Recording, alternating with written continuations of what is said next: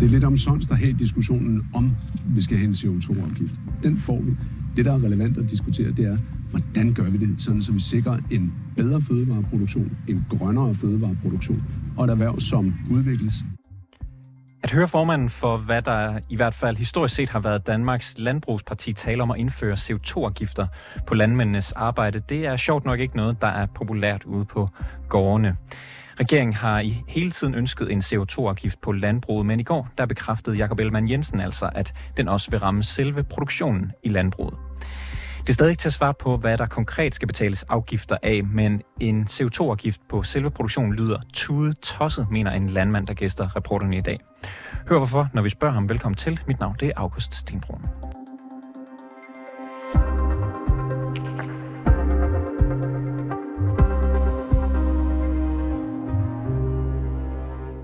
Bo Ritterbusch, du er landmand ved Vedum, der ligger nord for Hadsund, og så er du jo et medlem af Liberal Alliance og medlem af interesseorganisationen Bæredygtigt Landbrug. Velkommen i programmet.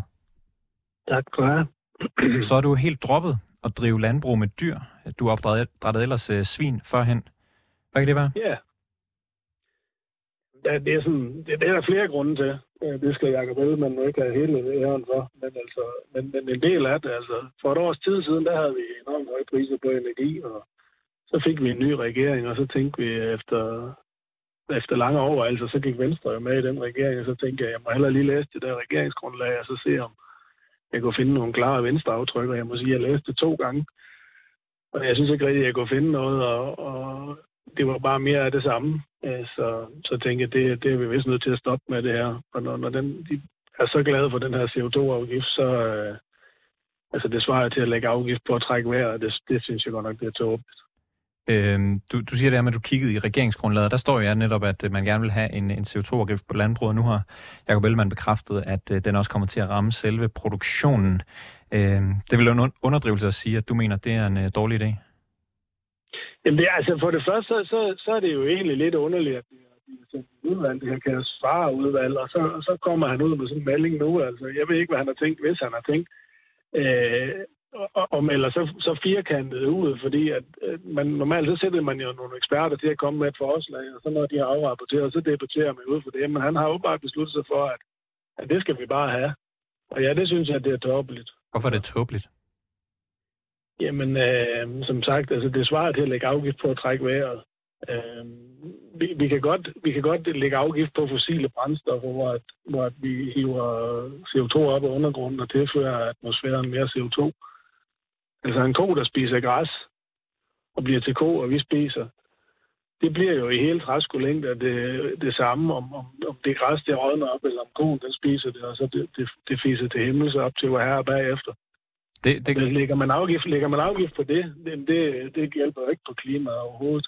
Det kommer land på, hvad man bruger de arealer til. For eksempel, hvis man øh, laver øh, øh afgrøder, der er mindre CO2-belastende, end, øh, end det er at drive øh, for eksempel øh, kvæg til, til at lave oksekød af.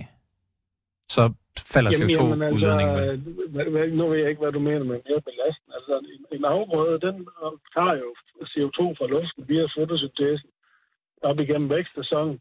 Og hvis det er en intensiv afgrøde, så optager den meget, og hvis man ikke bruger den til noget, eller den ligger på marken, jamen så, så forrådner det hele, og, og resten ryger, eller hvad hedder CO2 ryger i atmosfæren igen, og er det noget ekstensivt dyrket, som, som nogle øh, andre gør til, til oksekødsproduktion, de faktisk går på, så optages der ikke så meget, men så bliver der heller ikke så meget god ud af det.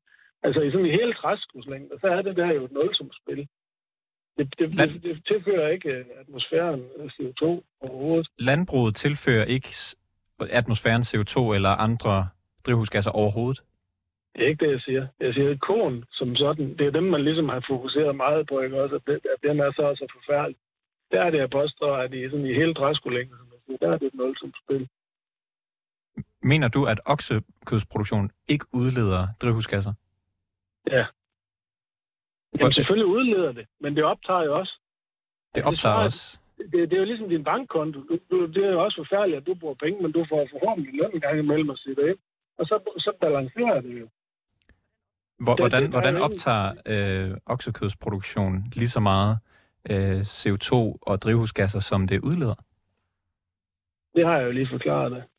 Konen, den spiser jo det græs, eller majs, eller roer, eller hvad pokker man giver sin ko. Og de afgrøder har jo opdaget CO2 og bundet kulstof i sig. Så spiser koen det. Og så bliver det til ko. Og så spiser du det ja, som, som kød. Hvad? Og så er det dig, der udleder det. Hvad med, hvad med den metan, der bliver produceret, mens øh, koen spiser det? Hvad med, at hvis jeg havde spist majsen, så havde det nok været en mere energieffektiv proces?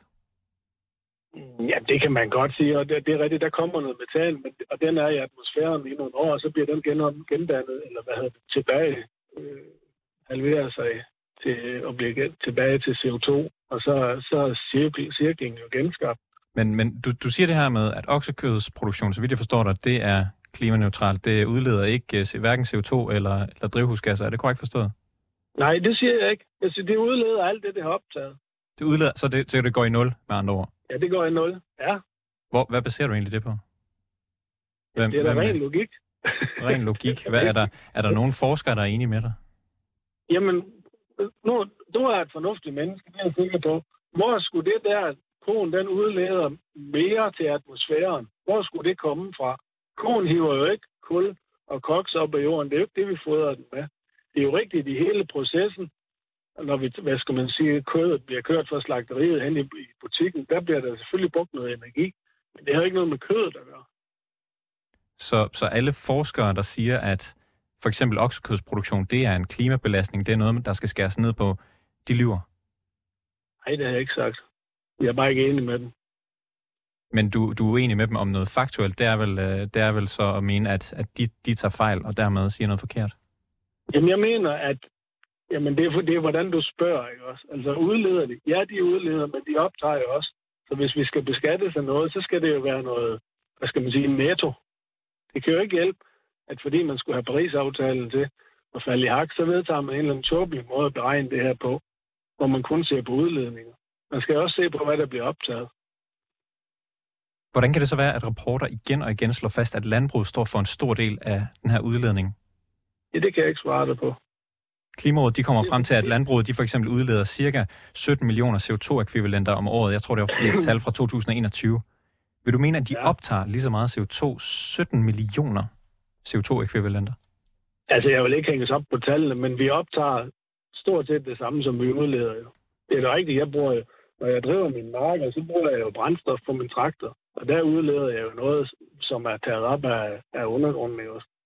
Og den, mens jeg havde dyr, så brugte jeg også strøm til min ventilation. Og der udleder, altså der, der udleder vi selvfølgelig noget CO2, hvis ikke jeg har haft det produceret med solceller på taget, eller hvad ved jeg. Men der betaler jeg også afgiften over min energi. Jeg skal bare lige høre dig her, her til sidst, en, en sidste gang, Bo, Bo Ritterbusch. Øhm, det kommer ikke til at gøre noget som helst for vores udledning i Danmark, hvis vi øh, får øh, nedprioriteret og nedsat oksekødsproduktion. Nej, det tror jeg ikke på. Bo Ritterbusch, tak fordi du var med. Planteavlsmand i et planteavlslandmand og medlem af Liberal Alliance og Bæredygtigt Landbrug. Tak fordi du var med i programmet.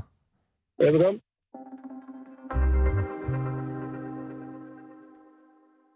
Regeringen har endnu ikke øh, uddybet, hvornår man vil fremlægge en konkret CO2-afgift. De afventer svar fra den såkaldte ekspertgruppe for en grøn skattereform, der endnu ikke er kommet med deres anbefalinger. Det var også alt fra reporterne i denne omgang. Tak fordi du lyttede med. Har du noget, som vi skal undersøge, eller har du ris eller ros til programmet, så kan du skrive til reporterne-247.dk. Bag udsendelsen i dag var Toge Gripping. Alexander Brøndum er redaktør, og mit navn det er August Stenbrun.